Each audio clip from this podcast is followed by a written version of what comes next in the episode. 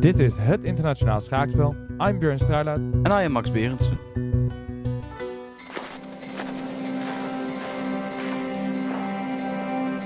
The intro is faking you guys out. Max isn't here today. He's enjoying his holidays in Poland. However, I did want to take some time and talk about the amazing year we've had. We started this project in October of 2018, actually not really knowing where it will go and what exactly we wanted to do with it. We got some microphones, an audio interface, and opened up my laptop and just started recording our first episode. We didn't have a script, just some bullet points of what we wanted to talk about. We sat down, pressed record, and this is what rolled out of it.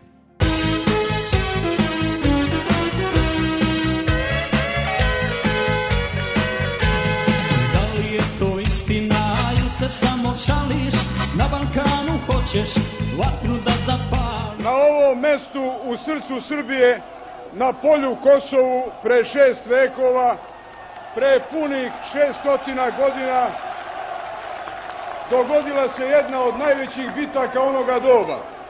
Zo te horen willen ze dus bepaalde delen van Kosovo toevoegen en Servië en vice versa. Ja, dat is, eh, dat is pretty much wat het inhoudt. The intro was a bit rough, and it took us a really long time to actually record everything. But at the end of the day, we were happy with it and found a passion for talking and recording podcasts about geopolitics.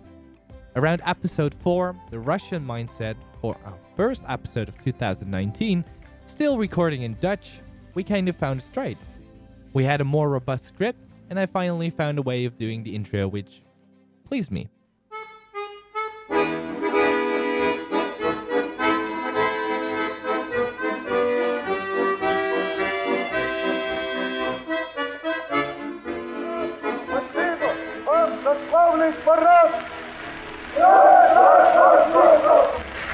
Спасибо, брат, вам за отличное учение! новый аппарат управления ЛИСЕС советских организаций.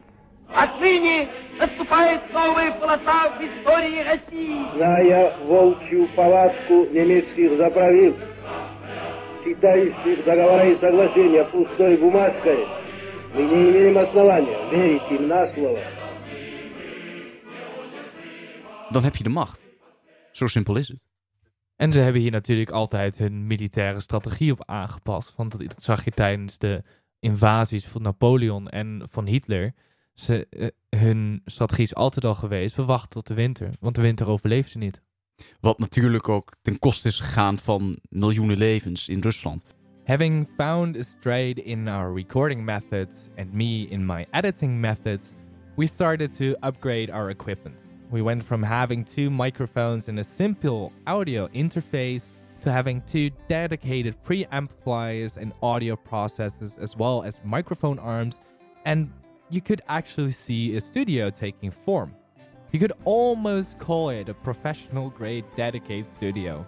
Almost which brought us to one of our favorite episodes, a subject that we talk about many times, that we debate many, many times, and that for some reason always creeps into our podcast Iran. So here's my message to the rulers of Iran. Your plan to destroy Israel will fail. And what a 40 years it's been, tyrannizing its own people and terrorizing the world.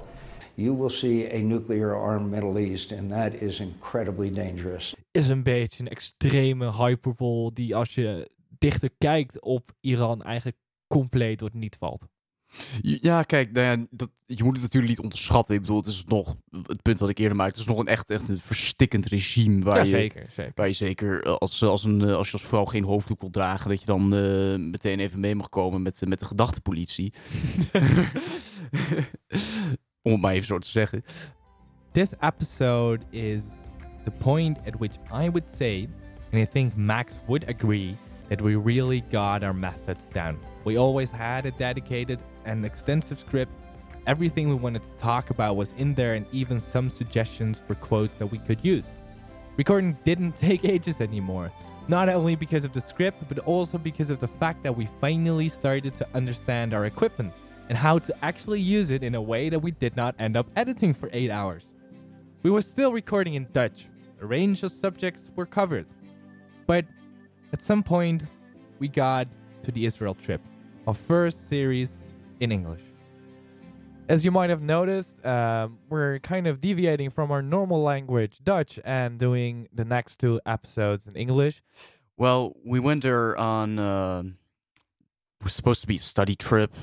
We uh, went to Israel to do research on the surge in the ultra orthodox population of the country. It's okay, we can be together, and from the other side, it's okay, we be together. And so it's getting better and better. all goodwill to them. Then we get to what they just said. Um, I will never, ever, ever, ever, ever see it as a possibility that a monarch, that a monarch will not think about absolute power. Um, especially if it's an old-fashioned feudal monarch that has old-fashioned feudal monarchy style rules. Um, it just But you have to look at it from their point of view. Of course, know, they believe but- that it's like but- it's like he will rule by a divine intervention. Yeah, they're- but still, we had those as well, and Yeah. that didn't work. um, it's just the evidence is against them. Mm. I think that the foreign media um, tries to to, and I'm not blaming them. Okay, uh, at the end of the day, if they want to to give a story, they need to show it in uh, black and white colors. Uh, going to the gray scale, um, it takes time. Uh, it's complicated, um, and today you can't do that. This series of podcasts was quite distinct from what we had done before.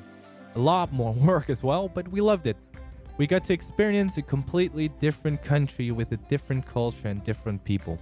But it wasn't all highs. We faced many tough decisions and had to go through some of the hardest interviews we've ever had. But at the end of the day, we can both say that we would definitely love to do another project like this, and we're truly, truly proud of what we were able to create. Is it perfect? No, it's not. There definitely is some room for improvement, but if there isn't any room for improvement, what the hell are we even doing? We still love it though. The, Engli- the English didn't stick immediately, but as all of you know, we pretty much only record in English now. The last one we recorded in Dutch was Land op het randje, talking extensively about Ukraine and the recent developments there.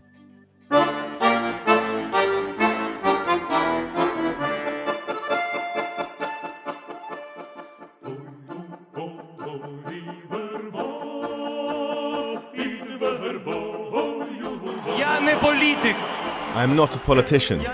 I am not a politician at all.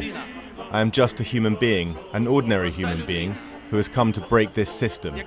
I am the result, Petro Poroshenko, of your mistakes and promises.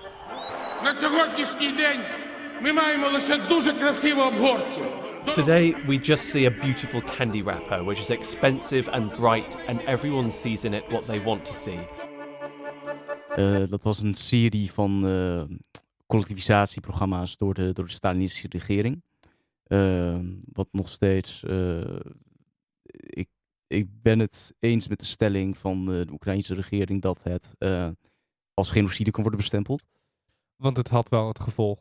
Ja. Het, het was niet een genocide in de zin van hoe, ehm, de, het, hoe het in Vietnam en Cambodja toe is gegaan. Het is Mm. niet een genocide zoals de nazi's hebben toegevoegd, maar door de collectivisatie, door de, eh, do- door de rations waarmee mensen het moesten doen, Mhm. kwamen miljoenen mensen om het leven. Ehm, dus terecht dat het ook zo wordt gezien.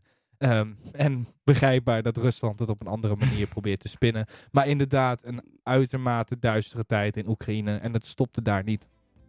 After that episode, we became what you could call an English podcast.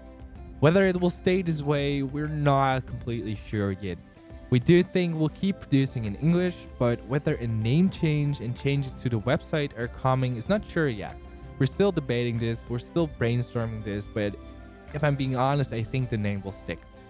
The last episodes we did this year were on Brexit, America and Iran, the American foreign policy during the election campaigns, Saudi Arabia, Lebanon, and of course, our latest two parter, the Caucasus.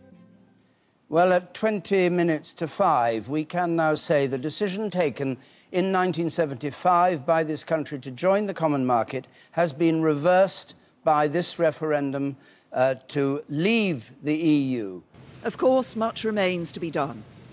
The immediate priority being to complete our exit from the European Union in a way that works for the whole United Kingdom. Also, what kind of country it is. yeah, what kind of country it is, what kind of people there are, uh, what kind of culture they have, and remember that it's 70 million people, and Mm. that you, as American voters, actually have the power to change something about this. You have the power to say, no, war is not the option. We have seen this gone wrong before. We want you to take the diplomatic route. And one of the options is to vote somebody else in power in the 2020 elections uh, that doesn't want war with everybody. That's not a Joe Biden. That's not a Trump. That's not a Kamala Harris.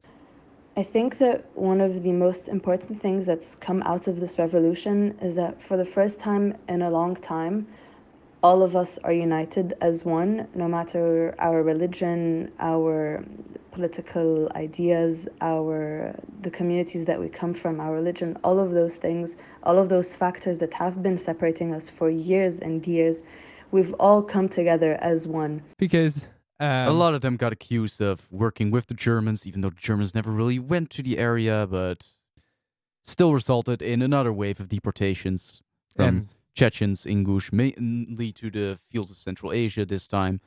A lot of those people died even before they could arrive. And yeah, well, until this day, there are still there are still diasporas of tens of thousands of people who have never returned home. Yeah, and um, Stalin died in 1953. Um, maybe again a time in the story where you think maybe it gets better. Although in practice, he kept ruling until 1956 when Khrushchev opened the archives, sort of. We're not done with this series yet. The last episode in this two-parter will air in the first week of January. See some spoilers, uh, but it won't be the only thing that will be appearing in January, February, whenever. Of course, we'll continue producing podcasts for all of you, and we hope you keep listening and enjoying them. However, we'll also be bringing some new content to our pro- platform. Most of it will still be in the form of a podcast, but we might not know. We're not sure. We do have a lot of other interests, writing articles, making videos, but just stay tuned and you'll see them appear. On the podcast side, we'll be trying out some new storytelling methods, uh, some different subjects, and maybe even some debates between Max and me. We have them often, we don't agree on a lot. So I think and I hope Max agrees that it would be a great idea to actually share some of them with you.